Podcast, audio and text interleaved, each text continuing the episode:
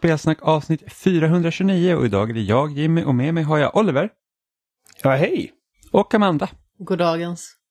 Eller godkvällens som man borde säga när det är kväll. Jag tar tillbaka att jag sa det förra veckan, det låg inte bra i munnen. För det ligger perfekt i munnen, det finns inget bättre ord än godkvällens. Godkvällens alla kära lyssnare, nu är det spelsnack på gång. Så borde man alltid säga. Jag vägrar. Nej, jag tycker det är väldigt dåligt.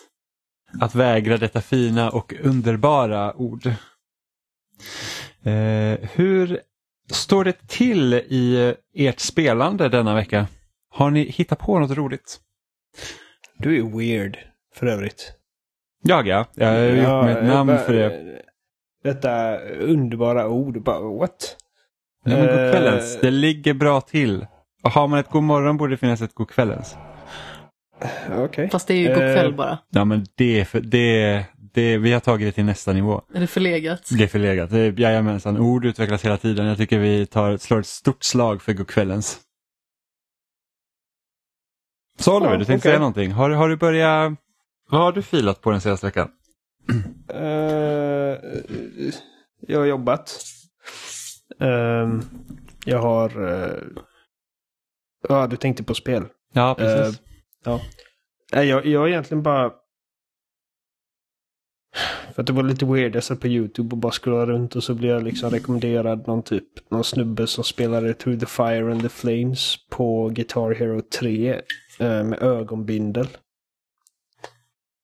Eh, och jag bara jävlar vilken oskuld. Men det gjorde mig lite sugen. Ehm, för att Guitar Hero är bara så jävla roligt alltså. Mm. Har du inget plastgitarrspel som du kan spela på nya maskiner? Mm, nej. Jag vet att du har Rock Band 4. Jag har Rockman 4. Eh. Jag brukar spela det emellanåt. Jag... ehm, jag gick in och kollade liksom ifall man kunde köpa den någonstans. Jag kunde inte hitta den någonstans. Nej, alltså det, de tillverkar ju inte instrumenten längre. Alltså det, jag hade tur när jag fick tag i bandpaketet. Det är Mm. fantastiskt roligt att några av våra grannar kom upp till oss och knackade på och de hade sett ditt trumset Jimmy i förrådet Ja. och undrade om de fick köpa det för att de trodde att det var ett faktiskt trumset. Det går att använda som elektroniska trummor. Eh, men då måste man köpa till eh, två stycken tillbehör som inte heller eh, görs längre. Jo men det visste ju inte de. Nej, men samtidigt så har jag inte sålt det heller för att det är liksom så svårt att få tag i. Det är liksom, jag hade tur när jag eh, fick, för att jag och Emma skulle egentligen recensera Rockband 4 och då skulle vi få trumset och allting till. Eller vi skulle liksom få hela liksom, eh, musikpaketet. Och sen så liksom så sket det sig. Alltså vi fick inte från utgivaren helt plötsligt för att de hade inte tillräckligt tid. Och sen dess har det varit så här, oh, fy fan jag vill så gärna ha Rockband 4 med instrumenten. och så gick det några år och fortfarande liksom inte köpte så att säga. Eh, för att liksom de sålde slut ganska fort och sen så gjordes det inte tillräckligt mycket nya. Och då hittade jag på Kungsholmen i Stockholm ett eh, GameStop som sålde ut. Alltså utförsäljning liksom. Som kostade bara 1200 spänn. För ett paket som egentligen gick på 3000. Så jag åkte dit och köpte det enda exemplaret de hade kvar. Och var så nöjd. Plus ett extra en extra gitarr då så att jag fick liksom två versioner av spelet helt enkelt. Eh, men den ena gitarren är hos Emma och Robin plus ett spel. Men ja, så, ja, nej, så att, eh, ja, nej, jag, jag bara okej, jag får fortsätta kolla på andra spela Guitar Hero. Och sen så slog det mig bara, men de här spelar egentligen, de spelar ett spel som heter Clone Hero på datorn. mm, Och jag har en dator numera. Uh, så jag gick in, Clone Hero är bara gratis att ladda ner. Så det var bara pang så var det färdigt. Och sen så är det bara att man går in på någon... eh, de har liksom ett spreadsheet, det här communityt. Där folk kan göra liksom sådana här note charts för låtar och lägga upp dem. Så kan man bara Mm. söka på vad man vill ha. Man kan ladda ner liksom... Alltså allting som Neversoft och Harmonix någonsin gjort i princip. mm, Så att jag har liksom allting i ett spel nu. Ehm, eh, och det är bara hur lätt som helst att bara koppla in min gamla, alltså den första så här, vita Explorer-guran man fick med Guitar Hero 2 till 360. ja med USB är för- liksom. Ja, det är, det är den första gitarren. Alltså, för Guitar Hero 2 var det köpt, första jag köpte. Och det, det är den gitarren som fortfarande funkar av alla. Mm. Eh, och jag började spela. Alltså Clone Hero är ju gjort i Unity.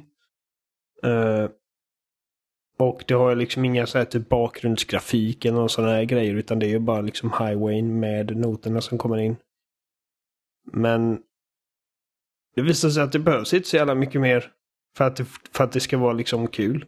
Så, så det är typ det är nästan det enda jag har spelat den här veckan. Jag bara Guitar Hero. Och så tänker man liksom, åh, tänk alla de låtarna som jag medans Guitar Hero var som mest populärt, som jag önskar att de släppte till spelet. Det är bara att gå in och kolla för att någon Pelle har gjort det.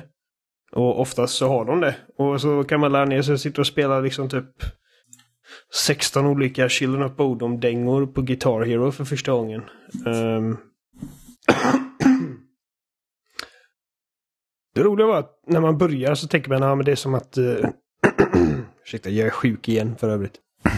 Uh... Men, men, man tänker att det är liksom som att cykla liksom. Att det, skillsen sitter i men det gör de inte tydligen. Nej. Jag känner mig redigt handikappad så liksom händerna vill inte riktigt med men, men efter några Fick... timmar så kommer man tillbaka. Fick du börja på normal? Nej, gud nej. det var bara att jag inte kunde spela liksom Dragon Force uh, lika bra. jag missar mycket. Klarar uh, du, klarar du Through the Fire Flames på expert? När det begav sig? Till slut gjorde jag det. Ja, för fan. Uh, hade aldrig klarat. Jag fick, jag fick använda uh, jag fick använda, vad heter det, hårsnoddtricket. Jag kommer ihåg när den låten spelades så infernaliskt mycket på ZTV. Jaha. Nej, det är inte en jättebra låt. Alltså, det, eller ja. Alltså den låten är ju typ deras mest kända låt utan tvekan. Nästan helt och hållet på grund av Guitar Hero. Uh, Ja, jag hade absolut inte haft en eh, relation till den överhuvudtaget om det inte hade varit att jag hade liksom sett den på tv. Det är liksom Nej. ingen band jag har lyssnat på direkt. Nej, jag hade talat om Dragon Force liksom när jag var yngre. Uh, innan Guitar Hero fanns. Men det var liksom... Det var ingen som... Det var inte ett sånt band som folk kände till riktigt.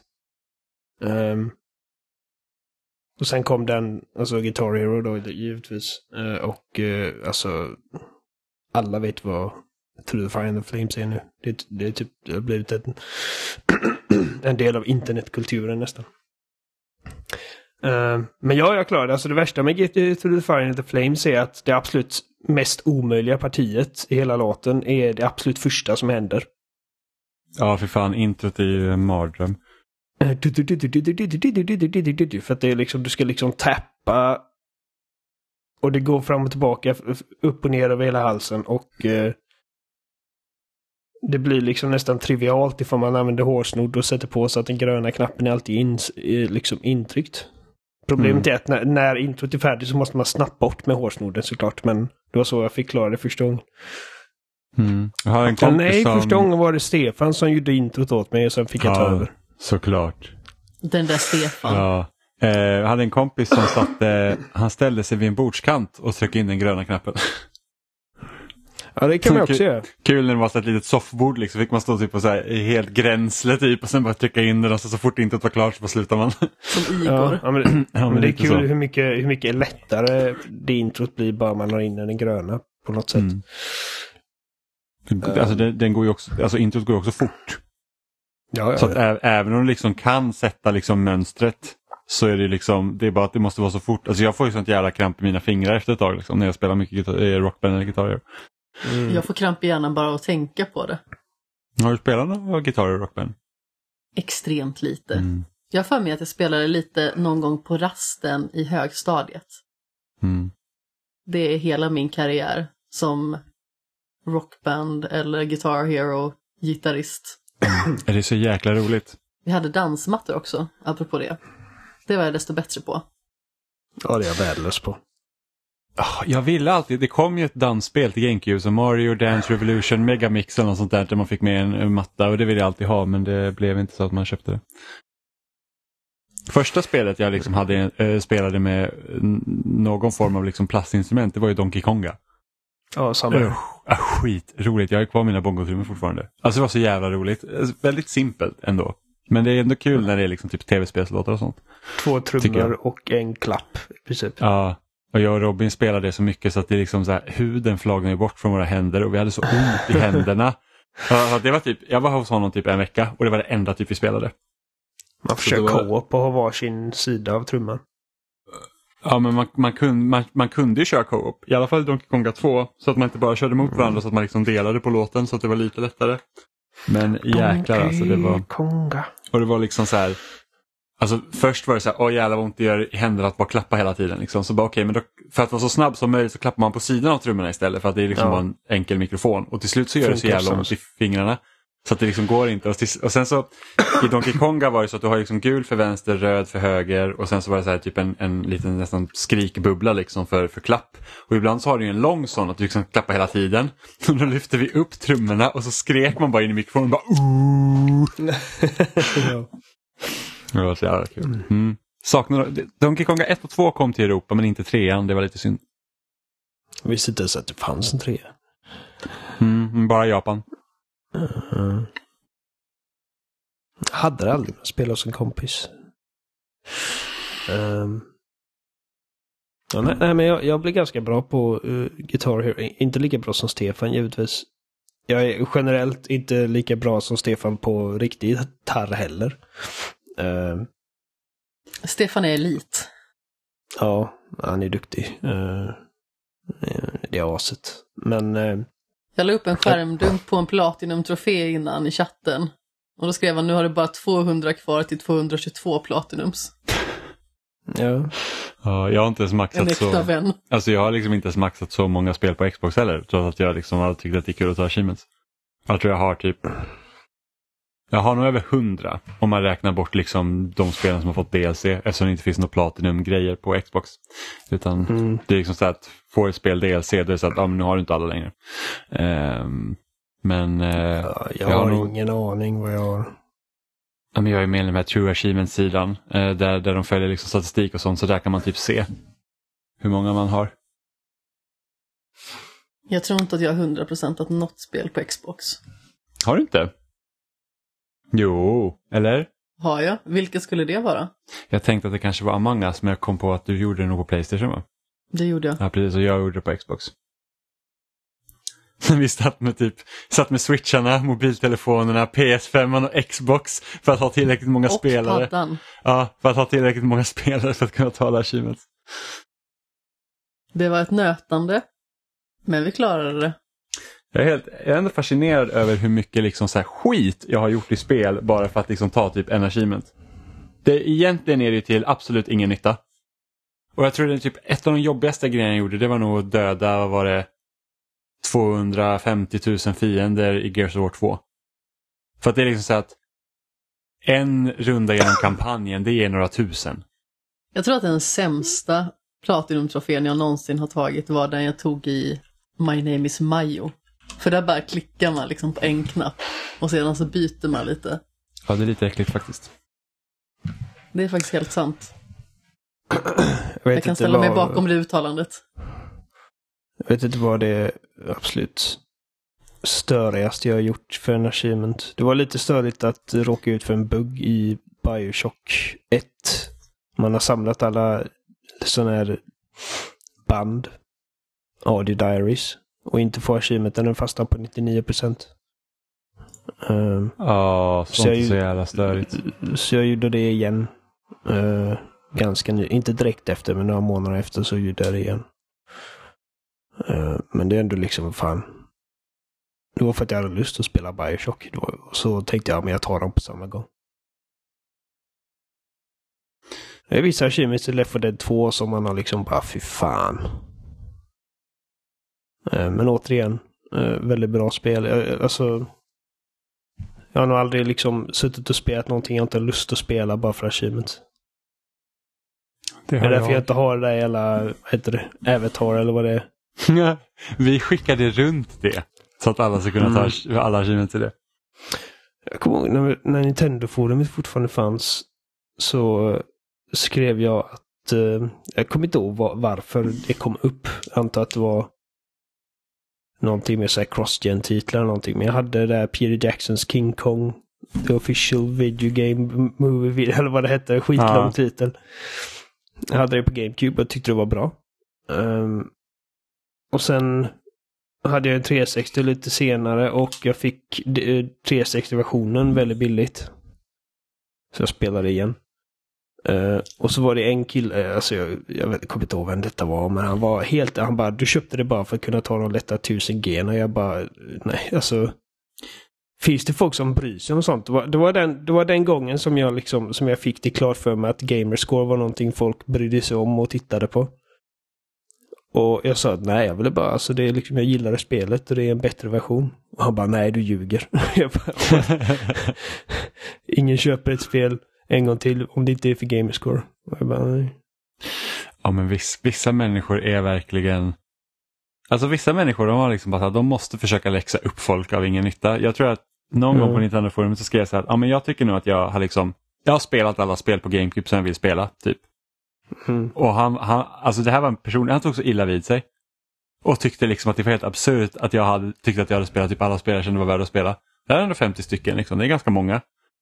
Eh, och speciellt på den tiden. Nej, han, han, var, han var liksom helt, han kunde bara inte acceptera att jag tyckte att jag hade spelat alla spel som jag tycker att det var värt att spela. Folk var weird. Men det är ja. så. Alltså så här, folk som dedikerar sina liv åt ett forum. Liksom det är typ, vanligtvis så hittar man en del konstiga människor. Ja, jo, men så är, så är det. Det kommer ju alla möjliga människor liksom till eh, sådana platser. Liksom. Jag tänker, alltså, av alla som brukar Reddit varje dag. Undrar hur många av dem liksom är procentantal som är liksom bara typ kretiner. Tänker jag på ibland. Uh, Nej, men alltså, det, är bara, det är bara att typ hoppa in i ett random kommentarsfält på Facebook liksom, och man blir så här bara, gud, det här skriver folk med sina namn helt öppet. Ja, ja men precis. Det är liksom det. Alltså, jag kan liksom se, ex, jag kan se liksom så här, vilka du känner, jag kan se vart du jobbar, jag, jag kan säkert lista ut var du bor genom liksom att bara kolla på din Facebook-profil. Och det är liksom så här, vi är ändå uppvuxna med det här att du får inte använda ditt riktiga namn på internet för det är livsfarligt. Mm. Och nu är folk typ så här bara, ah, jag är superrasistisk och det ska jag liksom visa för hela världen. Man bara, kul. Kul för dig. Ja, det är galet. Ja. Folk har verkligen ett helt oförklarligt sätt på internet. Ja, men speciellt också med tanke på att så som jag använt internet så har jag liksom fått ut det mesta liksom positiva av det. Liksom alla mina, alltså de närmsta av mina kompisar liksom har jag ju träffat på nätet. Ja, ja, jo. Alltså så det... det är liksom så det är den bra sidan av det. Sen är det så tråkigt att, folk, att det är så många som använder det till någonting dåligt. Jag, jag försöker också... hålla mig utanför sådana där kommentarstrådar, man blir bara ledsen. Alltså går man in i en sån, då känns det liksom som att man kollar in i ett hål av mörker, evigt mörker. Det tar liksom aldrig slut. Och folk är så himla orimliga också, har liksom inget konsekvenstänk för fem öre eller inget kritiskt tänkande utan bara beter sig. Det är så himla besynnerligt. Och ofta så kliar det i fingrarna när man råkar kli, eh, klicka in på en sån här. Att man vill skriva någonting. Men samtidigt känner man, jag vill inte vara en del av det här. Jag måste backa långsamt ut ur rummet direkt. Ja. Det är ingen mening. För att den här typen av människor, de kommer hela tiden med icke-argument som inte går att säga emot på något vis. Oh. Ja, och jag antar att det liksom har blivit också en del av problemet, liksom att sådana som faktiskt har, eller inte har tid att bara möta idioti, de, liksom, de försvinner från plattformen och sen är det bara liksom mupparna kvar. Ja, men det är inte liksom, deras ansvar att uh, uppfostra Nej, nej, nej. Jag, jag säger inte att det är deras ansvar men liksom, det är konsekvensen av att det är så här, jag har inte tid med det här för att jag har bättre saker för mig. Det blir så att, och de som inte, alltså de som bara så här eldsjälar för det här nonsens, de liksom, det, är de, det är de som är där helt enkelt. Ja, men det existerar ju liksom 0,01 procent konstruktivt i sådana trådar, mm. och, och, om ens det. Och det blir ju så för att egentligen, alltså det, det, det sker ju en viss moderering på Facebook, alltså Facebook är ju så stort så det är skitsvårt att liksom ha moderatorer på ett sätt. Liksom. Ja. Eh, på det. Men liksom, så om man tänker nu till exempel när vi var på Nintendo-forumet eller till exempel loading och sånt där. När det liksom vart, där var det ju en handfull moderatorer liksom som verkligen höll koll och liksom tog bort kommentarer om det var, var dåligt eller liksom, och det fanns anmälningsfunktioner. Alltså det... Och då tycker folk att de censureras. Ja, gud, ja, så är det ju. Så är det ju. Alltså det, jag, har varit, jag var moderator på nya Nintendo-forumet som blev efter att Bergsala la ner. Eh, och det är liksom, alltså, vad, det spelar ingen roll vad du gjorde, du gjorde ju alltid fel. Så är det ju liksom. Det är alltså den personen som du stänger av eller ger en varning för den tycker att du är dum i huvudet oavsett vad den har gjort. Och de tycker ju alltid att de har rätt såklart. Ja, ja så är det ju. De är ju smartare än och sen du. så finns det det, ju, alla. sen finns, sen finns det alltid de roliga så, här, så bara jag tar en varning för det här för det var värt det typ. Jag kommer, Ja, ihåg att, eller- jag kommer inte ihåg vem det var. Om det var... Det var någon med ett väldigt stort följe i alla fall. Kan ha varit Alana Pierce. Det spelar ingen roll. Jag vet i alla fall att det var en kvinna inom liksom gamingsfären. Eh, som på Twitter skrev någonting i stil med att jag har inga problem med att blocka folk. Liksom. Alltså, eh, det behöver inte vara att du förnärmar mig personligen eller hotar mig. Liksom, ifall jag bara tycker du är milt irriterande så blockar jag dig. Och eh, givetvis var det någon liksom tjomme som hade svarat på detta. Jag bara fattade att det är så jävla fegt. Och, och blocka folk. Och, och liksom, jag, jag har minsann aldrig blockat någon för att eh, de har en annan åsikt än mig. Och liksom, jag, jag kan stå på mig i mina konversationer. Och jag bara, alltså du. Du har typ 37 följare.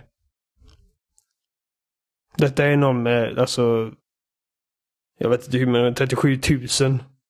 Alltså förmodligen mer. Som inte kan säga någonting utan att liksom få... Alltså, jag vet inte hur många notiser den här människan får på Twitter varje dag. Så när du säger liksom att ja, jag har aldrig blockat någon, det säger verkligen ingenting för att du har förmodligen ingen att blocka. Det är ingen som skriver till dig. Det är liksom med anime-profilbild. Eller ett ägg. Ja, äggen finns för inte längre tror jag. Nej, det kanske de inte gör. Eh, jag tror de fasades ut. Men det, vad, vad är det liksom? Ifall det är typ någon med så här liksom waifu som profilbild så är det bara liksom, jag läser inte ens. Något, det finns säkert jättemånga bra liksom, sådana också. Men det är typ, det, finns säkert, säkert jättemånga bra wifus trodde jag du skulle säga. nej. Eh, nej, jag men vill, precis. inte- jag vill inte det- liksom döma alla som råkar gilla liksom typ, ska man säga, Animetuttar. tuttiga anime-babes. Men eh, Men du har ju blivit ett stort fan av anime nu Oliver efter att du har sett Attack on Titan. Attack on Titan är fucking briljant. Alltså jag kan inte bärga mig till den sista säsongen. Eller de är inne på sista säsongen men de delar upp det liksom som Breaking Bad gjorde. Mm, kommer fast, nästa år. Fast vad är, inte, är de inte på sista säsongen del fyra nu? Ja, någonting sånt Ja. löjligt. Eh, och jag fattar inte riktigt hur de strukturerar upp det. Det är jätteweird. Det finns en manga. Min lillebror har läst den så han vet hur det slutar. Men jag tänker inte läsa mangan. Eh, för att den är så jävla alltså, visuellt slående och... och Jag skrev det på Twitter häromdagen. Liksom, att Attack on Titan är inte bara liksom typ den bästa liksom, animerade showen jag sett. Alltså, det, det är liksom en av de bättre serierna jag har sett Mm. på, på liksom flera år. Bara hur jävla uppfinningsrik och kreativ och eh, liksom vilken artistisk integrity det har och liksom eh, alltså bland det snyggaste jag sett i animationsväg. Eh, och en story som bara är liksom skitintressant. Eh, Men det finns jättemycket bra anime. Jag har sagt det i flera år Oliver. Jag vet, och du säger typ att du ska kolla på Full Metal äh, Alchemist och jag bara, okej jag ser ett avsnitt och jag bara, alltså jag vill typ slita ögonen ur mig efter 20 minuter. Ja, men det är ett avsnitt.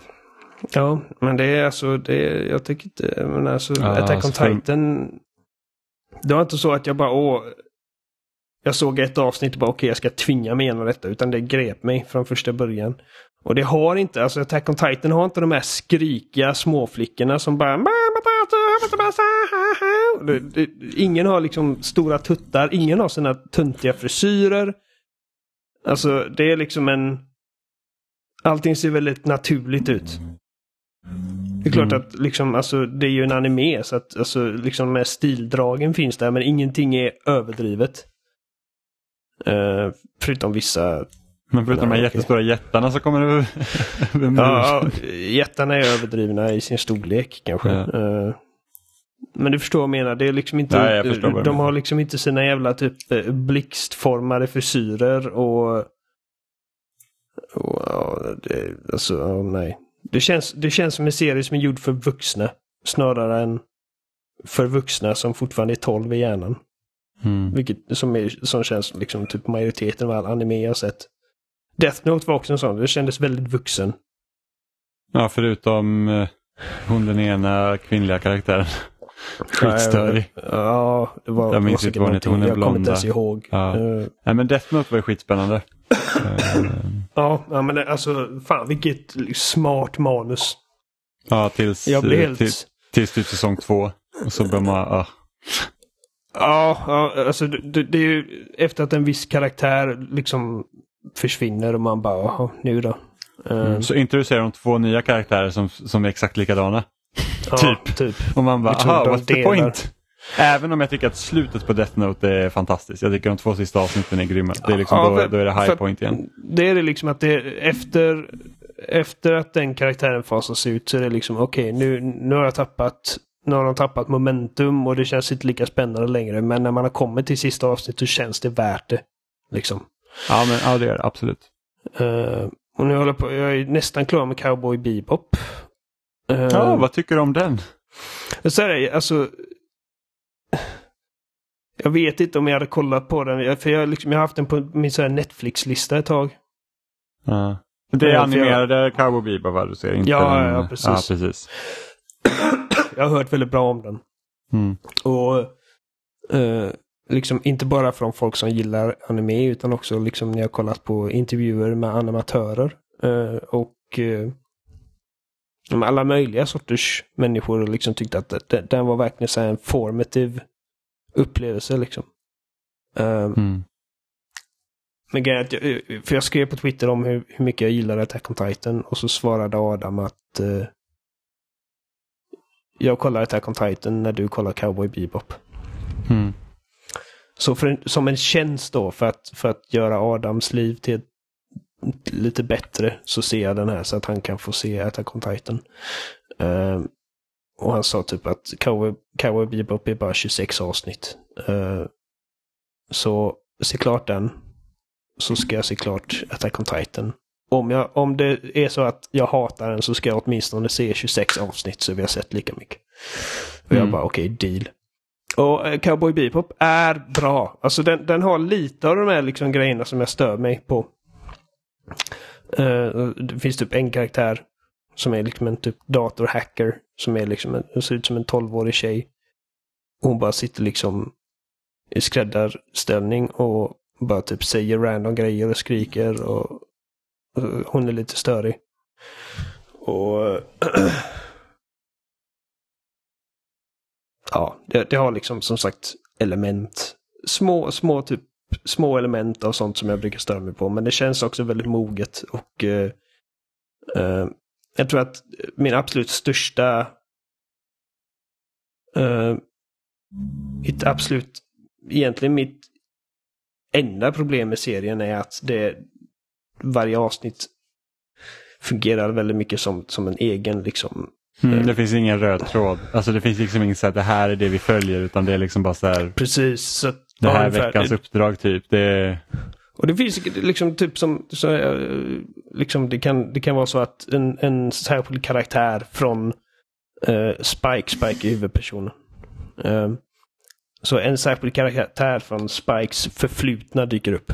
Och det blir plötsligt väldigt allvarligt. Man bara oj, för att liksom det här var, det här, nu blir det allvarligt. Och så vet man liksom att okej, okay, den här kommer komma tillbaka senare. Så att det är ju liksom element som introduceras genom seriens gång som fläskar på de här karaktärernas liksom bakgrunder. Och jag har hört att, nu har jag inte kommit så långt som sagt, men jag har hört att liksom de sista typ två avsnitten uh, uh, de är liksom part 1 och part 2 uh, av mm. en sammanhängande berättelse och den ska tydligen vara helt liksom hjärtkrossande. Så det ser jag fram emot. Ehm, men annars så är det lite så här typ house. Liksom att du har liksom en, en, en grupp av karaktärer. Och den här veckan så eh, har de någon, någon form av eh, liksom farlig alien på sitt, på sitt skepp som gör folk sjuka och de måste ta hand om det. Och sen nästa avsnitt så är det liksom en helt ny grej. Och Ja, fast det var väl ingen alien som gjorde dem sjuka, det var väl det att de hade lämnat maten i kylen för länge. Som hade fått eget eget liv.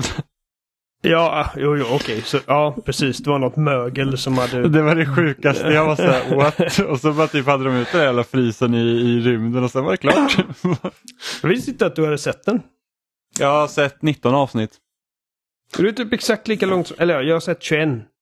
Ja, du är längre än vad jag är då. Um, ja. Men det är roligt för att jag tror att det, det avsnittet var en av mina favoriter. Bara för att det var liksom så... Det påminde om det avsnittet i Breaking Bad, The Fly. De är bara, de är bara i labbet hela avsnittet. Och mm. försöker få tag på den jävla flugan. Det var lite sådana vibbar.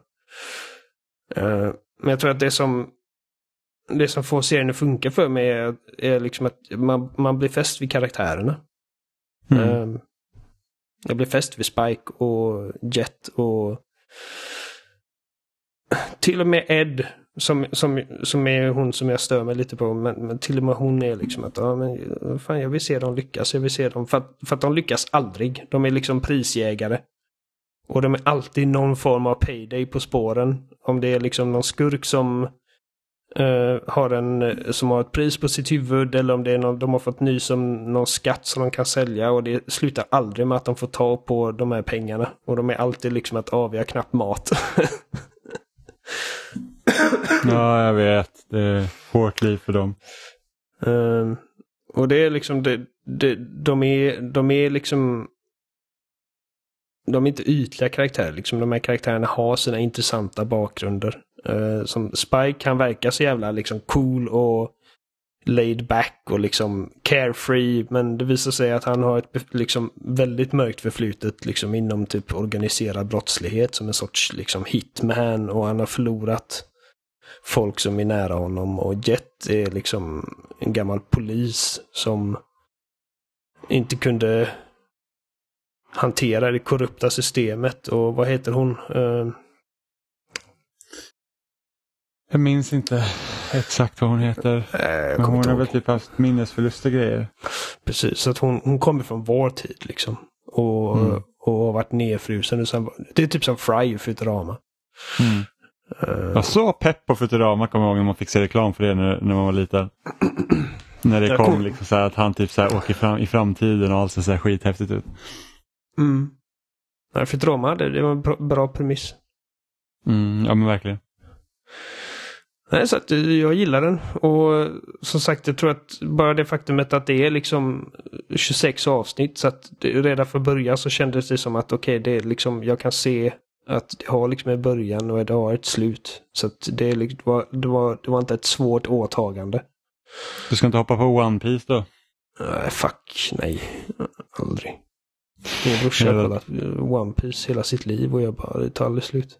Nej, alltså jag har ju läst mangan av One Piece och den ligger över tusen kapitel just nu och liksom det är typ och det jag stör mig på i den det är det här, det är liksom, alltså hjältarna i serien de är konstant blodiga för att det är liksom det är liksom typ 50 kapitel av bara strid.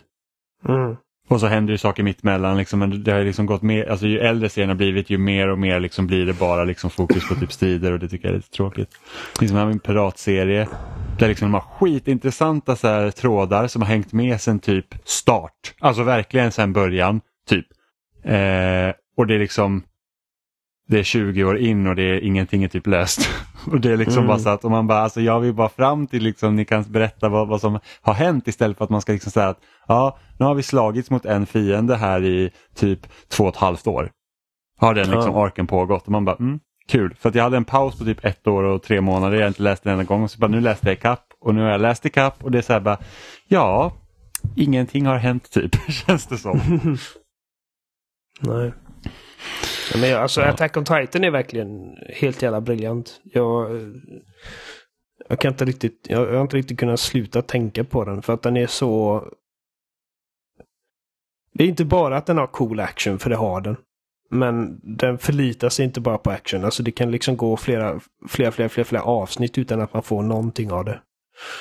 Uh, och sen mm. när man väl får action så kan det vara liksom typ att det är liksom bara ett liksom stort scenario som dras ut i fyra, fem avsnitt. Uh, men det är också, det är verkligen en resa för de här karaktärerna för att det är liksom alla börjar på ett ställe och alla liksom det är som du vet när man ser klart Breaking Bad och man tänker på all jävla hemsk skit Walter White har gjort. Uh, och sen tänker man tillbaka liksom på var han befann sig i första säsongen. Uh, och hur mycket det är som har hänt på vägen som har liksom förvandlat honom från den här liksom genialiska men ändå ödmjuke liksom anonyma så här, ska man säga, bara suburban-farsan. Uh, eh, till den här liksom typ, alltså knarkkungen. Med en enorm body count. Och uh, man, kan dra, man kan dra liknande paralleller till, uh, till, till Attack on Titan utan tvekan. För att liksom ingen av de karaktärerna går liksom kommer ut ur det som samma personer som de kom in i det. Mm. Väldigt intressant. Och liksom det är många, liksom det är flera karaktärer som man bara, alltså jag kan inte, alltså du, du är på väg ner liksom längs en väldigt mörk stig nu och det kommer inte sluta vackert men ändå så är, man förstår varför. Man förstår inte alltid, för att det var liksom, det var ett tag som det var några karaktärer som jag, okej, okay, jag fattar inte vad er motivation är nu. Är det någonting jag missat? Jag känner mig lite förvirrad. Men sen får man reda på det liksom typ två säsonger senare. Liksom exakt vad det handlade om. Uh, så att det är en sån serie som man, man behöver absolut vara liksom uppmärksam. Jag kommer ihåg när jag började sista säsongen så så, så jag bara, alltså har jag, har, har jag börjat kolla på fel serie? Jag, bara liksom, jag känner inte igen någon av de här karaktärerna. Jag vet inte vart vi är, vad, vad som händer. Det ser inte ens ut att vara samma år tionde som slutet av förra och sen så bara pang och så knyts det ihop skitsnyggt med vad man redan känner till och helt plötsligt så har man liksom fäst sig vid en helt ny grupp av karaktärer på en helt annan sida av hela konflikten. Ja, det är, mm. alltså, det, det är liksom så Game of Thrones nivå på dramat ibland alltså. Och man känner att ingen är säker. När som helst kan vem som helst bara liksom bli uppkäkad. Mm. Ja, förhoppningsvis slutar det bättre än Game of Thrones. Ja, förhoppningsvis ja, precis. Vad är din Vad relation till detta, Amanda? Min relation till Attack on Titan? Nej, alltså bara japansk animation. Anime. Jag har nog inte varit så jätteinsatt i det om jag ska vara helt ärlig. Har, har, du sett någonting som du känner att liksom, ja men det var bra? Alltså jag gillade det jag såg av Full Metal Alchemist. Ja. Även att det kanske var lite... Infantilt. Snarare lite överdrivet kanske. Det var lite toppat. Men det var det ganska länge sedan vi såg det också. Jag vet inte varför vi inte så vidare på säsong två. Vi såg, vi, vi såg en bit, men du ville se något annat och sen återgick vi aldrig. Och det låter som jag. Mm. Det var vad som hände. Ja, men det, det, är också många, många populära animeserier som är liksom, som du säger, de, de, de bara tar aldrig slut. Och jag är sån liksom, även med alltså men som vi såg, eh, vi har alla sett eh, Severance på Apple Plus. Oh ja. Och jag vet att liksom efter den säsongen så var det bara, åh oh, gud, alltså om de lägger ner den här serien. Man vet ju aldrig. Jag tror inte att, jag tror inte att de kan göra, Apple är inte Netflix. Uh, så att jag tror inte vi behöver oroa oss för det, men det är en sån grej liksom att uh, jag är alltid lite så försiktig med vad jag börjar kolla på. För att dels, alltså uh, det största problemet är Jag är aldrig försiktig, jag bara kastar mig ut. Ja, nej, jag orkar inte. För att alltså... Jag, jag, jag kan tycka att det är rätt jobbigt att kolla på serier. För att det, det är en sån tidsinvestering. Um, och uh, det finns så mycket av det. Och så mycket bra av det. Alltså liksom fan vad mycket bra serier det finns idag. Um, Vi ser ju generellt sett serier när vi sitter och äter. Mm. Det smyger sig in någon film däremellan också, men eh, när vi äter middag så är det ju serier som gäller. Ja. Ja, men som sagt, alltså det finns mycket bra grejer. Men för, för mig handlar det kanske mest om att liksom, som, jag älskade första säsongen av Severance. Men sen är frågan, hur många säsonger kommer det bli av Severance? Liksom, om, om detta är typ som en Walking Dead situation där man såg första säsongen och tyckte den var asbra. Och sen vägrar de sätta knut på det. Liksom att det, det håller på i typ 11 säsonger eller någonting och det bara blir sämre och sämre och sämre och sämre. Ja, men det känns som att Severance är en sån grej att du har den här idén och du kan inte dra den hur långt som helst. Jag tror max tre säsonger för den. Ja, ja, ja, jag menar, det är liksom baserat på liksom vår magkänsla och baserat på materialet. Ja, ja precis. Ja, exakt. Men det är liksom så här att det, det känns som att alltså, från säsong ett till säsong två så känns det en ganska naturlig övergång och sen är frågan hur mycket mer kan du sträcka ut det efter det. Liksom. Men det känns Nej. också som att serier har blivit lite mer begränsade nu för tiden. Det känns som att serier inte lika ofta har en tendens att dra över så att det absolut inte betyder någonting i slutet. Sen så kanske man inte är överens om eller gillar slutet nödvändigtvis. Men jag känner ändå mm. att det är lite mer återhållsamhet, återhållsamhet i dagens serieklimat. I och med att det finns så himla mycket. Ja, det är möjligt. För jag bara, alltså, som sagt, när man, när man passerat liksom fyra säsonger, det är då jag börjar checka ut lite. För att då måste det vara verkligen, alltså det här är så jävla bra för jag ska orka kolla. Det är som, alltså, jag vet Better Call Saul har hållit på i, vad är det, sjätte säsongen nu. Precis. Uh, och det är många säsonger, men det här är liksom också typ peak tv för mig. Så att det är okej. Okay. Men... Men där är det eh. också så här, nu tycker vi att sex stycken säsonger är mycket. Mm. Förr i tiden, eller det finns naturligtvis serier som fortfarande håller på, men det var ju liksom inte ovanligt att de flesta serier liksom höll på i så här 13, 14, 15 och så vidare säsonger. Alltså fem säsonger är också ganska vanligt. Alltså de här serierna som är 22, 24 avsnitt långa. Och typ fem säsonger var många så här poppis-serier som eh, höll på och sen så lades de ner. Jag vet, jag vet inte vilka liksom, alltså, påkostade dramaserier som har hållit på i 15 säsonger. Med typ såhär Cityakuten och sånt. Ja, men det, det Grace Anatomy är på typ ja, säsong 18. men det är alltså fuck that. Det är liksom... Jo, men det känns i alla fall som att de har tänkt in, eller tänkt om lite grann i dagens samhälle och kanske ja. fokuserar lite mer på kvalitet än kvantitet. En jo, serie det, som jag tycker definitivt borde ha hållit sig lite i hatten, det är ju La Casa de Papel. För att den pågick eh, tyvärr i fem säsonger. Och där är ju eh, liksom av anledningen till att den blev poppis helt plötsligt. Och så bara, ja ah, men vi drygar ut den här delen ja. av serien till typ tre. Som man bara, Walking Jaha. Dead. Och för att de liksom ah. slog tittarrekord för varje liksom eh, första och sista avsnitt per säsong liksom. Ja, men det är farligt att få hybris. Ja. För att La Casa de Papel till exempel var fantastisk. Alltså en av de bästa serier jag har sett i tre säsonger. Sedan så kom fjärde säsongen och den var inte lika bra. Och sedan kom första delen av femte säsongen. Och jag var så djupt besviken. Och min pappa också, han var så här att jag vägrar att se fortsättningen. Jag vill inte se. För jag vill liksom inte befläcka mitt minne av resten ännu mer. Sedan så var Nej. andra delen ett lyft och jag tycker ändå att serien slutade lite mer på topp än vad jag trodde att den skulle göra efter att jag sett första delen av femte säsongen. Men det är väldigt synd att de faktiskt inte höll sig till den första planen och begränsade det lite mer och avslutade när serien fortfarande var så briljant som den var. Även, även det bästa konceptet i världen har en gräns på hur länge man kan liksom bara mata på det. Ja, eh, definitivt.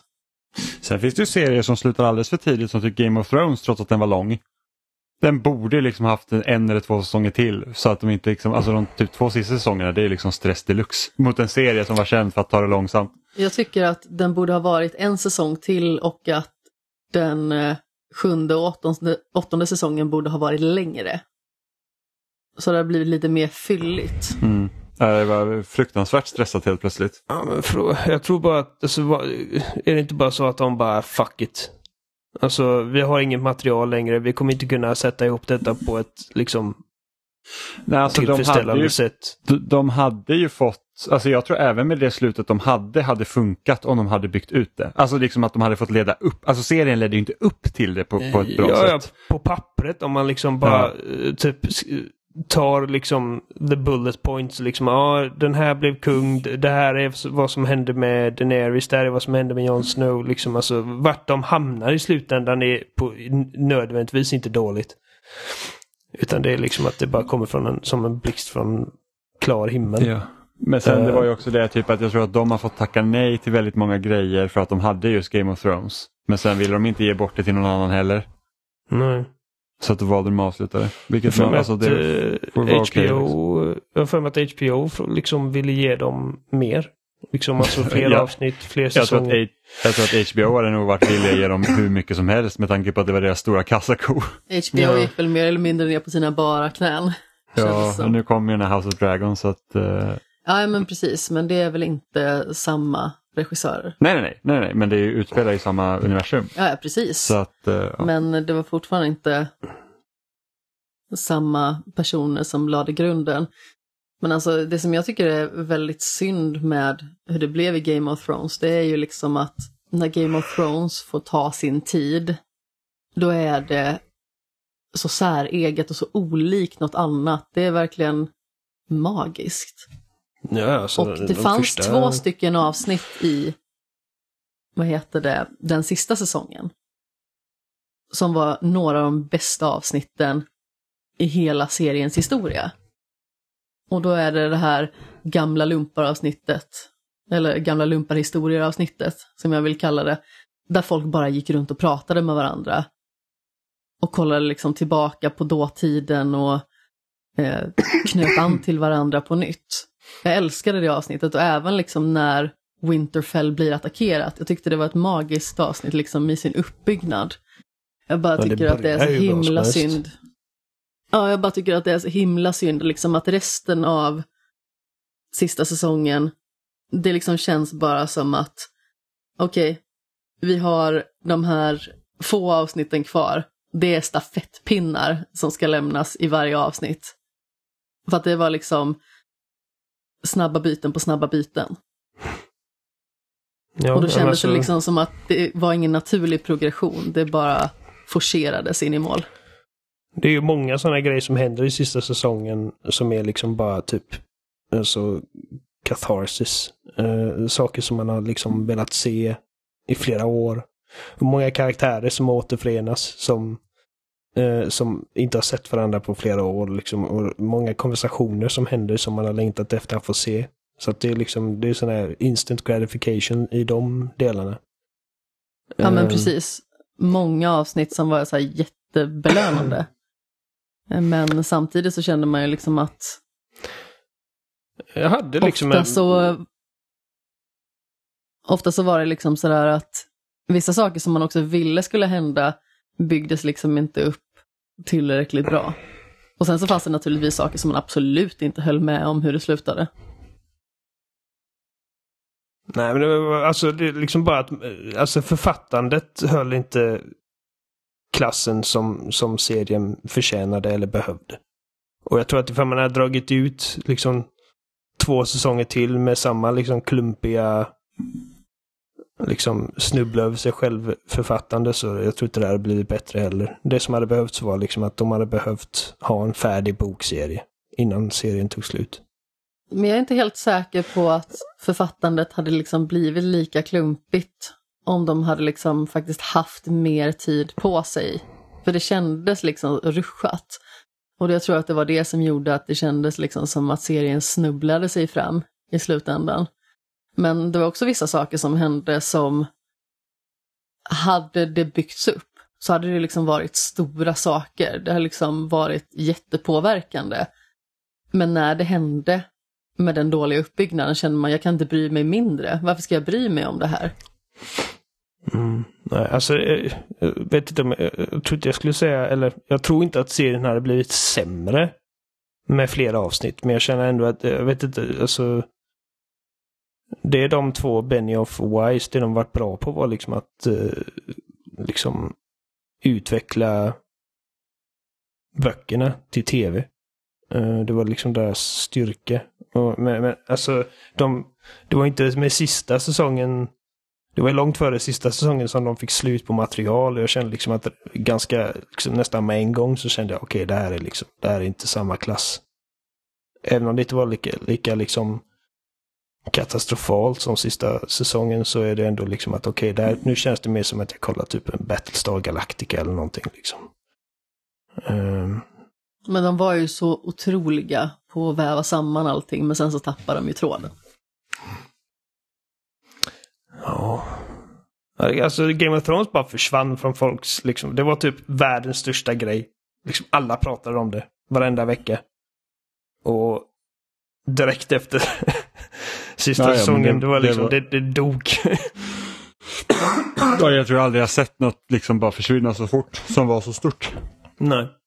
Jag har svårt att tro att någon som har följt den här serien inbitet är riktigt nöjd med hur det slutade. Det finns säkert någon tjomme, men jag, jag förstår vad du menar. Alltså, på, på det stora, jag har inte hört någon säga liksom Ja, det där var kanon. Uh. Alltså man kanske inte tycker att det är dåligt på det sättet som jag vet att många tycker att det är dåligt.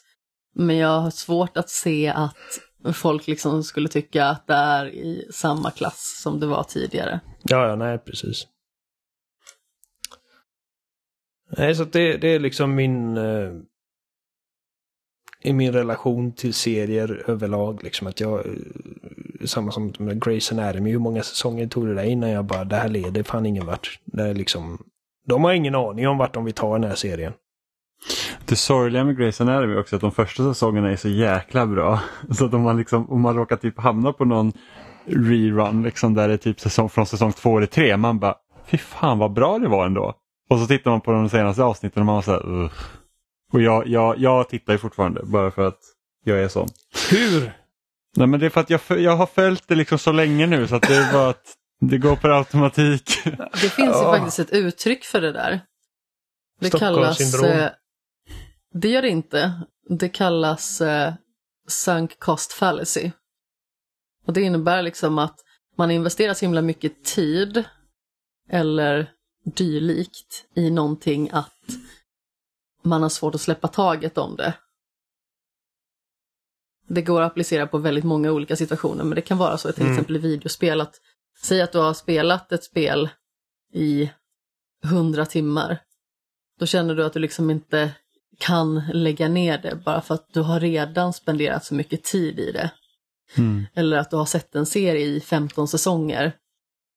Då kan du liksom inte sluta.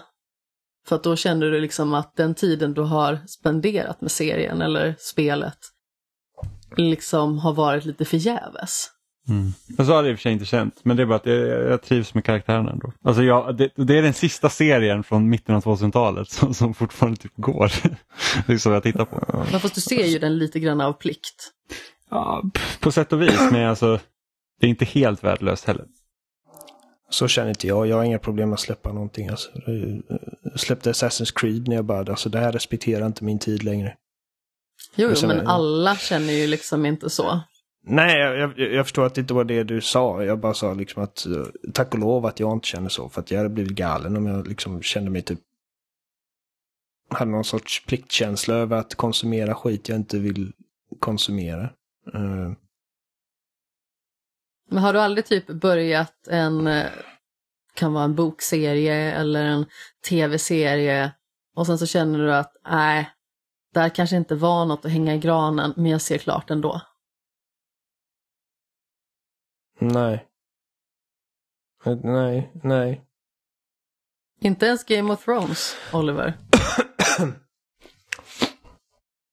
Eh, Eh, ja, jo, alltså när jag vet att det är sista säsongen då är det en sak. Liksom, hade jag känt så här typ i säsong åtta av uh, Grey's Anatomy att det bara, nej, fan vad, vad blajigt det här är. Och de hade sagt att ja, nästa blir sista, då, då hade jag nog kollat klart. Uh, Men om det, alltså, om det är någonting jag är allergisk mot så är det liksom när det är så tydligt att de inte vet vart liksom, saker och ting kommer sluta. Uh, och då kräver jag inte att de ska veta exakt hur och hur sammanhangen ser ut och hur kontexten ser ut och hur, liksom, vilken relation alla kommer att ha till varandra i slutändan. Men liksom ändå ett hum om vart vi vill sluta den här berättelsen. Ja, när det börjar kännas krystat, som att man liksom ja. bara kommer på olika sidospår utan att det liksom Precis. har men, någon väg att ta sig till. Precis. Så jag menar, man skulle fråga typ Vince Gilligan uh, om han hade liksom ett hum om hur han ville att Breaking Bad skulle sluta så hade han förmodligen sagt att uh, ja, jag visste inte att det skulle vara med en liksom stor machine gun i, i, liksom, i bilens baklucka. Men, men liksom ändå att om jag, liksom, jag känner att jag, jag, jag han kanske liksom... i alla liksom- fall hade lite ett hum om hur han ville att liksom ödet skulle se ut för respektive Precis. karaktär. Precis. Sedan kanske man liksom inte har hela scenariot utmålat för sig. Exakt. Um... Nej, men liksom, när, när någon vill berätta en historia för mig, då vill jag veta liksom att okej, okay, vet du ifall den här historien är värd att berätta för det första? Liksom. Eller är det att du har liksom början på en historia som du tycker är cool och sen bara eh, improviserar vi i, i sju år? För då, men hur då är det... men, men, hur, även om du kan liksom släppa en tv-serie, men hur känner du liksom för tv-spel? Alltså, för att du har ändå spelat så här varenda Call of Duty sen 2004 och varenda liksom Assassin's Creed fram till Valhalla. Ja men de, de är kul liksom. De är kul att spela. Mm. Så det, det, det, är inte det att Även Assassin's gång... Creed varenda gång. Uh, ja, men i, i, stunden är det rätt kul. Ja. Fram tills det inte är det som sagt och då slutade jag spela i alla Valhalla. Uh, För jag känner men... typ att Assassin's Creed är ju typ en sån grej som jag känner som en sak som är Grace Anatomy nästan. Att jag spelar det för att det är Assassin's Creed och för att jag är liksom jag är investerad. Ja, nej, jag, jag, är inte ens lite investerad i, i storyn i Assassin's Creed. Liksom, jag, jag, jag slutade bry mig i tvåan tror jag. Utan sen, det, sen efter det så är det bara liksom att ja, men det är kul att liksom besöka gamla historiska platser. Vilket de rör sig mer och mer ifrån nu. Nu är det liksom bara fantasy-spel som vilket annat Ubisoft-spel som helst. Um, ja, det tycker jag. Och jag menar, och jag, och jag det, som var så bra inte... med tvåan var ju hela den här konspirationen, så här kända konstverk där det fanns liksom de här hintarna hela tiden och det känns som man upptäckte liksom historien med spelet. Ja. Eller den alternativa liksom, historien. Även idén till första spelet är liksom helt, alltså det är en fantastisk idé som, som spelet inte li, liksom lyckas rama in ordentligt. För att liksom, som jag förstått det så alla de måltavlor man dödar uh, var riktiga personer som blev dödade. Liksom. Uh, oh, nej, Assassin's Creed var ascoolt en gång i tiden. Uh, och, när det, och när det kommer till Call of Duty så har jag aldrig köpt ett Call of Duty-spel för bara åh, jag kan inte bärga mig till att få se vad storyn tar mig den här gången. Det är bara att jag vill in och liksom skjuta lite folk. Uh, är du pepp på Modern Warfare 2? Inte pepp, men, men jag tyckte att uh, det förra är ändå liksom i toppskiktet av de moderna Call of Duty-spelen. Så att alltså jag gillade det spelet. Uh, och uh, jag är nyfiken på att se liksom hur nästa ser ut om inte annat. Uh, men alltså jag har inte varit pepp på ett Call of Duty-spel på väldigt länge. Mm. Jag var nog väldigt pepp på alltså rebooten av Modern Warfare faktiskt. Den jag var, var faktiskt väldigt nyfiken på. Jag var väl relativt pepp. Jag, I alla fall jämfört med typ Black Ops 4 eller uh, liksom det nu de andra spelarna var. Alltså, de smälter ihop för mig nu för tiden. Mm. Men... Men det var inte typ Modern Warfare 2? Alltså från 2009-hype liksom? Nej, nej det verkligen inte. Uh, nej men så att med spel, eh, det, jag har inte samma relation till spel för där känner jag liksom att även om, alltså jag storyn är nästan även, sekundär. Liksom. Fast även om du skulle känna liksom att Halo började verkligen suga. Skulle du inte känna att du uh, behövde spela då? Ändå, bara för att liksom se om det faktiskt suger fortfarande. Uh, men, men, men det du insinuerar då är liksom att jag spelade den gången och, och jag får bekräftat för mig att det fortfarande suger och att jag sen spelar nästa spel också. Precis. Men det, nej. Fast femman var ju verkligen... Mm. Ja men det var fortfarande Halo liksom. Alltså ja, storyn var horribel. Uh, och, men, men liksom, jag har ändå haft kul med det. Och, ja, multiplayern var jag Multiplayern har ju varit hur ja, jävla bra som var... helst. Liksom, jag är ju liksom, 1500 timmar eller sånt där töntigt i det. Uh, 1500 timmar eller något töntigt. Ja, men liksom det, det, det, är löjligt hur mycket jag har spelat Halo 5. Uh, jag tror att liksom, det finns ju fall där jag känner liksom att jag har större krav på storyn. Liksom, liksom Last of Us 3 exempelvis, ifall det skulle komma och det känns liksom typ bara som att man har skrivit det på toapausen liksom. Det hade ju, det hade ju upprört mig lite, men så länge Halo känns som Halo och det är liksom kul att spela, liksom ifall storyn inte riktigt håller måttet så är det fortfarande liksom att det är kul att spela Halo. Mm. Men Halo 1 är så jävla bra och det har aldrig varit för att jag bara åh fan vad intresserad jag är i storyn. Det är typ först tio år efter första gången jag spelade som jag ens förstår vad som händer i storyn. Um,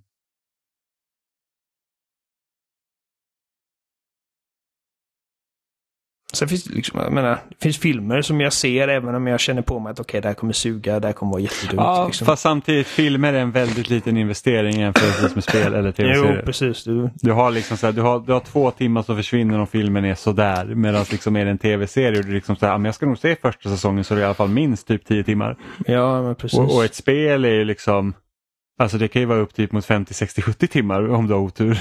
Ja. Eller om man har tur beroende på vilken typ av spel det är. Alltså, hade, hade Assassin's Creed Valhalla bara varit 70 timmar så det hade varit, det hade varit lugnt. Ja, jag spelade i 110 timmar. Ah, och då gjorde jag allt typ utom att hitta alla fiskar. Ja. Nej.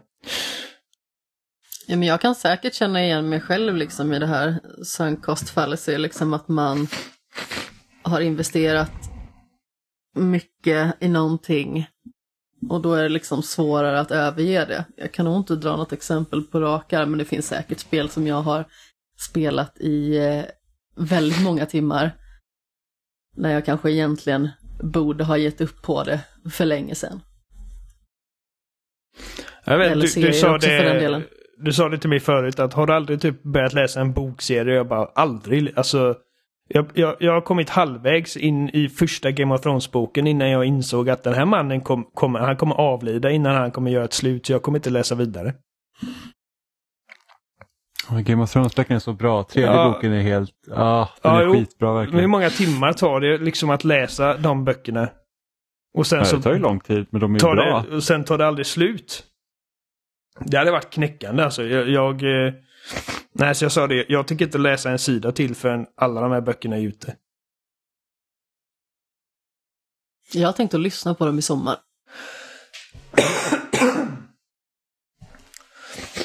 Sådan är jag. Jag tycker inte mm. hållas gisslan av... hållas gisslan? Så att George R. R. Martin kom hem till dig typ med en pistol och bara nu jävlar. Nu lyssnar du på dem, eller nu läser de mina jävla böcker.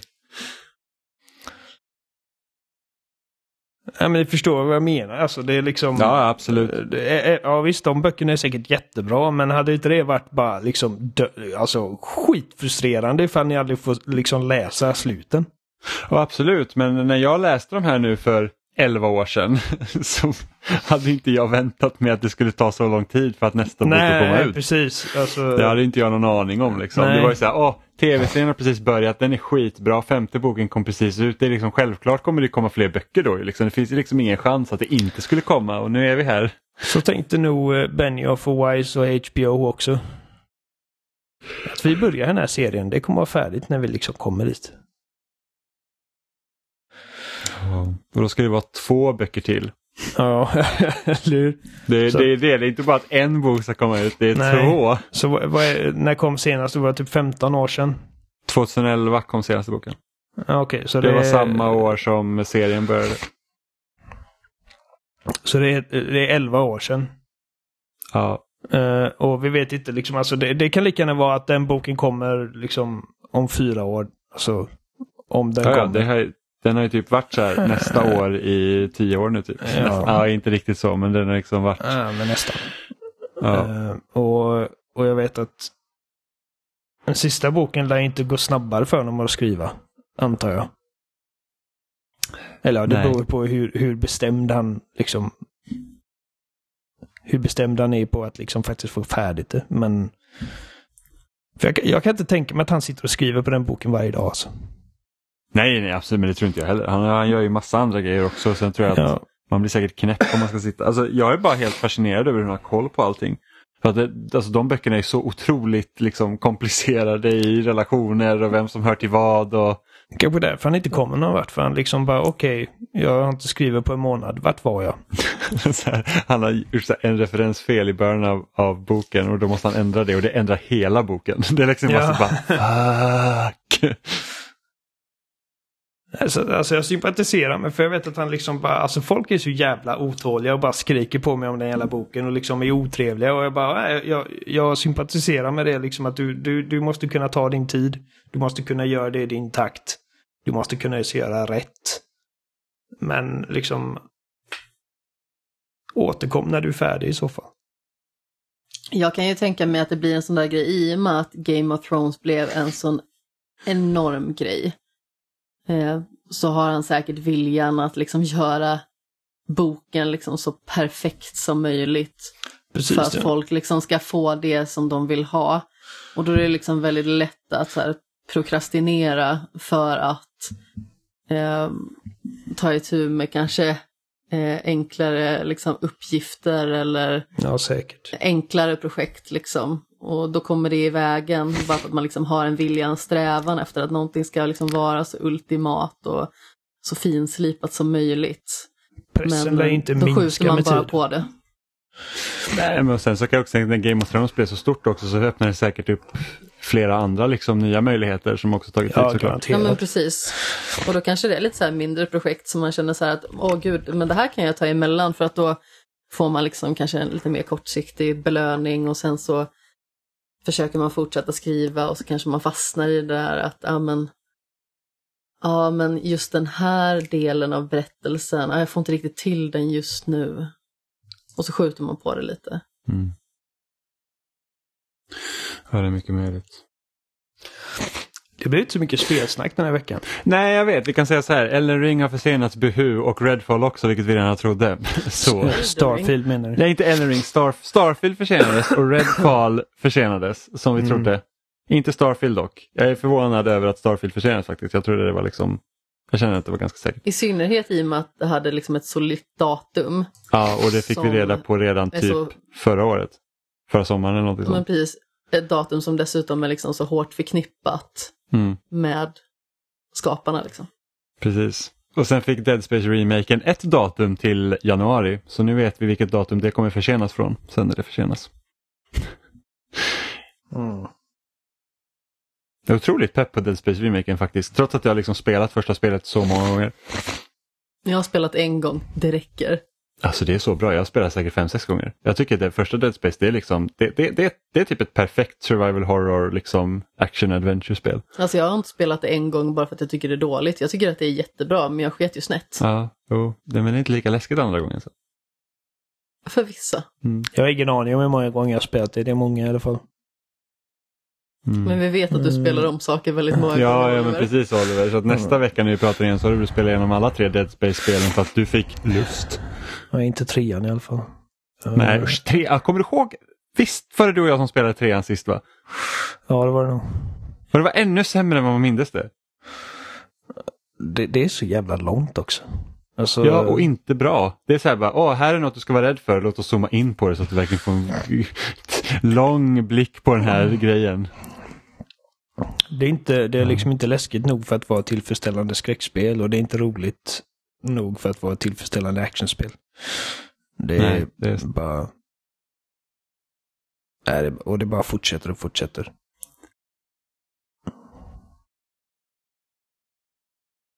Ja, det stämmer. Dead Space kändes ju verkligen som ett sånt koncept som hade passat perfekt för att bara göra ett spel av det. Ja, ja men det- och där är det också ett så- sånt spel också så här, den låren som finns i det spelet finner jag väldigt ointressant. Samma här. Den är Hela väldigt liksom, komplex Och och, Ja, ja, men det är såklart. Och det, det är också en sån här ganska vanlig grej att om någonting är komplex eller om det finns mycket då lore i ett spel så är det typ automatiskt bra enligt vissa.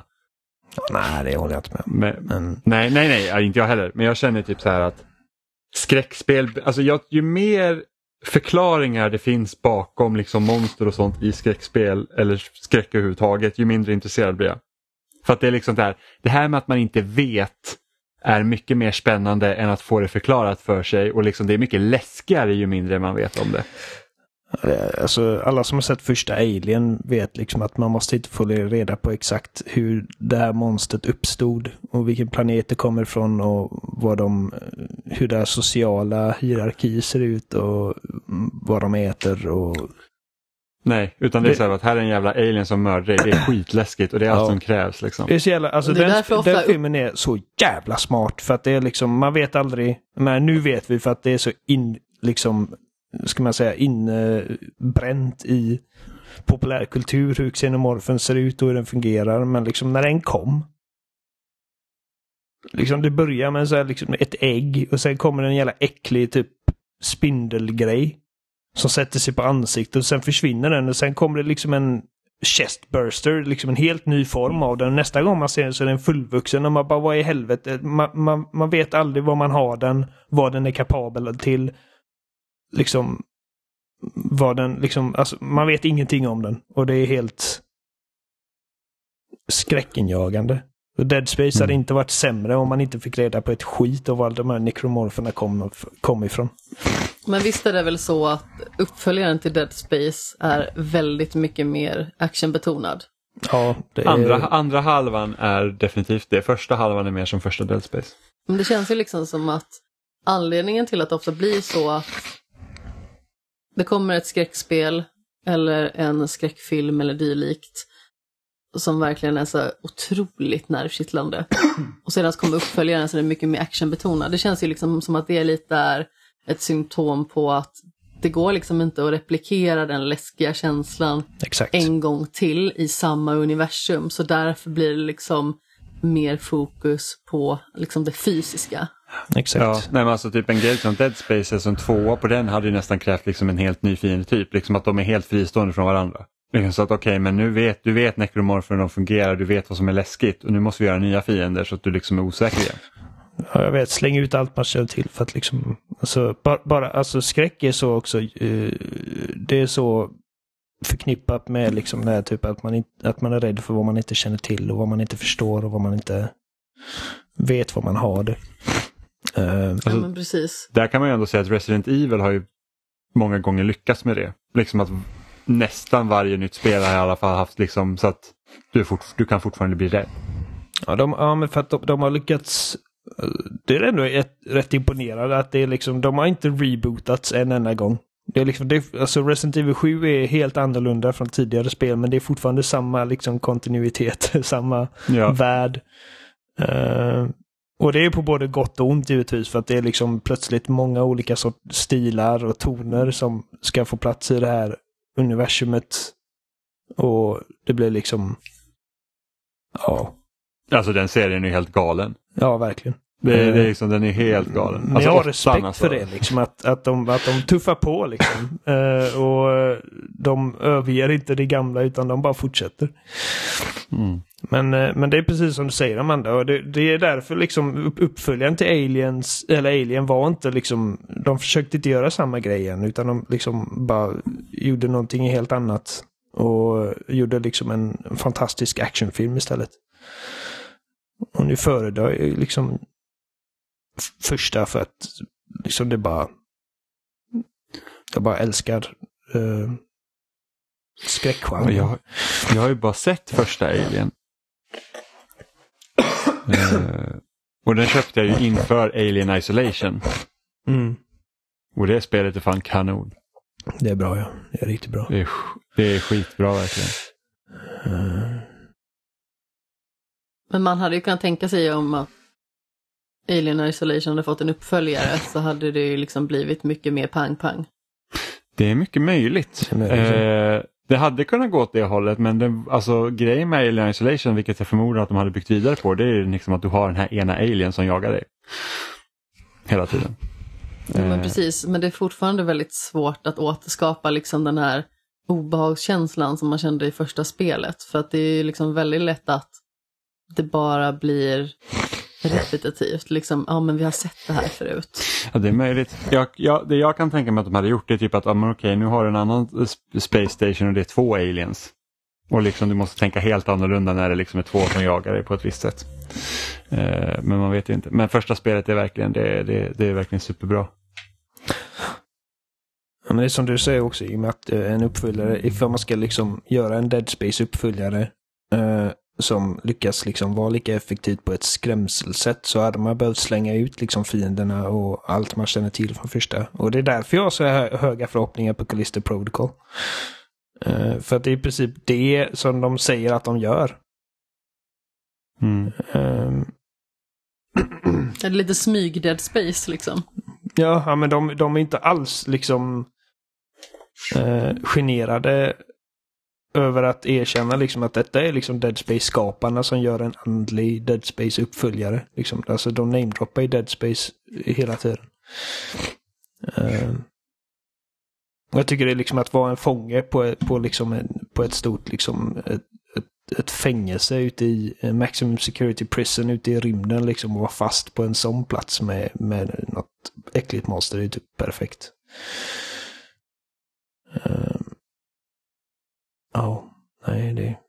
Men jag såg också fram emot eh, remaken och jag sa det till, för att vi pratade lite jag och Adam om det. De släppte de här var det den här veckan de visade lite typ utvecklingsgrejer. Uh, att jag hoppas att de inte är rädda för att liksom lägga till grejer eller ändra grejer. Uh, att det inte bara är liksom one for one samma spel fast med mer shiny graphics. För jag tycker liksom Nej, att... jag tror inte det. De har väl pratat om att det ska vara liksom, de skulle typ lägga till lite story-element och sen tror jag att det inte kommer vara lika kapiteluppdelning som det var i originalet utan att äh, skeppet blir mer utforskningsbart så att säga. Mm. För att det går ju lite stick, alltså det går ju verkligen väldigt bra ihop med vad, vad, vad man gör i ettan. Du reparerar ju skeppet, för att, eller du ska ju försöka reparera skeppet så du kan ta det därifrån. Mm. Eh, och då är det ju så att man måste gå fram och tillbaka hit och dit och liksom för att liksom låsa upp grejer. Ja, men liksom gör, att, gör ja. Eh, typ som, alltså gör interaktionerna med Nicole lite mer organiska och naturliga för att det, det, det är lite weird hur det hanteras i originalet. Uh.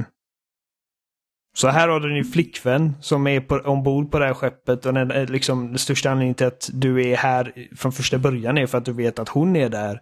Och du kommer dit och får reda på liksom att det är en jävla infestation. Jag vet inte, jag tror inte ens det är ett svenskt ord. Infestation. uh, ett jävla utbrott av någon jävla alien-varelse som typ äter upp allting och sen liksom multipliceras snabbare än man kan kontrollera det. Och hon är här någonstans och när man ser henne första gången så är det bara Tja! Helt enkelt för att, liksom, för att karaktären är tyst och du, du alltid ska vara i kontroll såklart. Det, är en svår designutmaning men det är sådana grejer liksom att jag, ja, som sagt. Får gärna ändra och lägga till grejer och lägga till banor och lägga till liksom eh, hela liksom storysekvenser och set pieces eller whatever. Liksom gör någonting. Mm. Lite mer Prey än Uncharted. Ja, men precis, exakt. Mm. Uh, nej, så att det, jag hoppas på det spelet. Och mm. För att även om, liksom, om de skulle lägga till och ändra massa grejer och man tycker att äh, det här är inte Dead Space längre, men då finns fortfarande originalet. Och det är så liksom lättillgängligt, särskilt på Xbox, liksom, att det, det, det är fortfarande hur spelbart som helst. Det ser fortfarande bra ut. Liksom. Mm. När jag tittar på jämförelsegrejerna ja, de har, så är det, ja, den ena ser, man ser ju liksom vilken av dem som är nyare, men det, det är inte som natt och dag direkt. Första spelet ser fortfarande bra ut. Mm. Uh, Absolut. Så att uh, det är liksom jag ser ingen mening med att liksom göra exakt samma grej igen. Egentligen. Även, ja, om, även om, det om det är så, liksom jag vet att de har sagt att det inte kommer vara exakt samma grej, men även om det skulle vara så så hade man köpt det och spelat ändå givetvis. Men det är liksom... Det är inte lika sexigt att uh, spela en remake av någonting som, som inte erbjuder no något nytt. Nej, förhoppningsvis blir remaken bättre än uh, Rockstars försök att remastera GTA-trilogin. Uh, usch. Och det var oerhört taffligt. Alltså verkligen, verkligen. Men uh, jag tror med de orden så, så, får vi nog sätta punkt för idag. Ja. Uh, Skjut ner det blir lite längre. Det blev lite längre än vi hade tänkt. jag skojar. Vi, för det, ni får höra något så ovanligt som Oliver pratar massor om anime. Så jag tror att när ni ser liksom de här waifu-avatarerna på, på Twitter så är det egentligen Olivers liksom så här alternativa konton. Ja, mina, som fyller den plattformen med. Mina skuggkonton. Ja, men precis. Eh, ni hittar oss som vanligt på spelsnack.com och där finns också länkar till alla ställen vi finns på som Twitter, Facebook och Instagram. Vi fick tillbaka kontot efter förra veckan. Eh, äntligen, om, många om och men. Eh, så där finns vi också. Eh, ni hittar såklart i era favoritpodcastappar som Spotify, Apple Podcast eller eh, RSS-flöden som ni använder av. Eh, ni kan också mejla till oss på kontaktetspelsnack.com eller byta ut kontakt mot våra förnamn spelsnack.com för att eh, ge synpunkter, mejla in om vad ni tycker att vi ska prata om eller om ni har någon fråga eller funderingar. Ni hittar oss också på loading.se varje onsdag. Så hörs vi igen om en vecka. Hej då! Puss i ljumsken. Kyss i analen.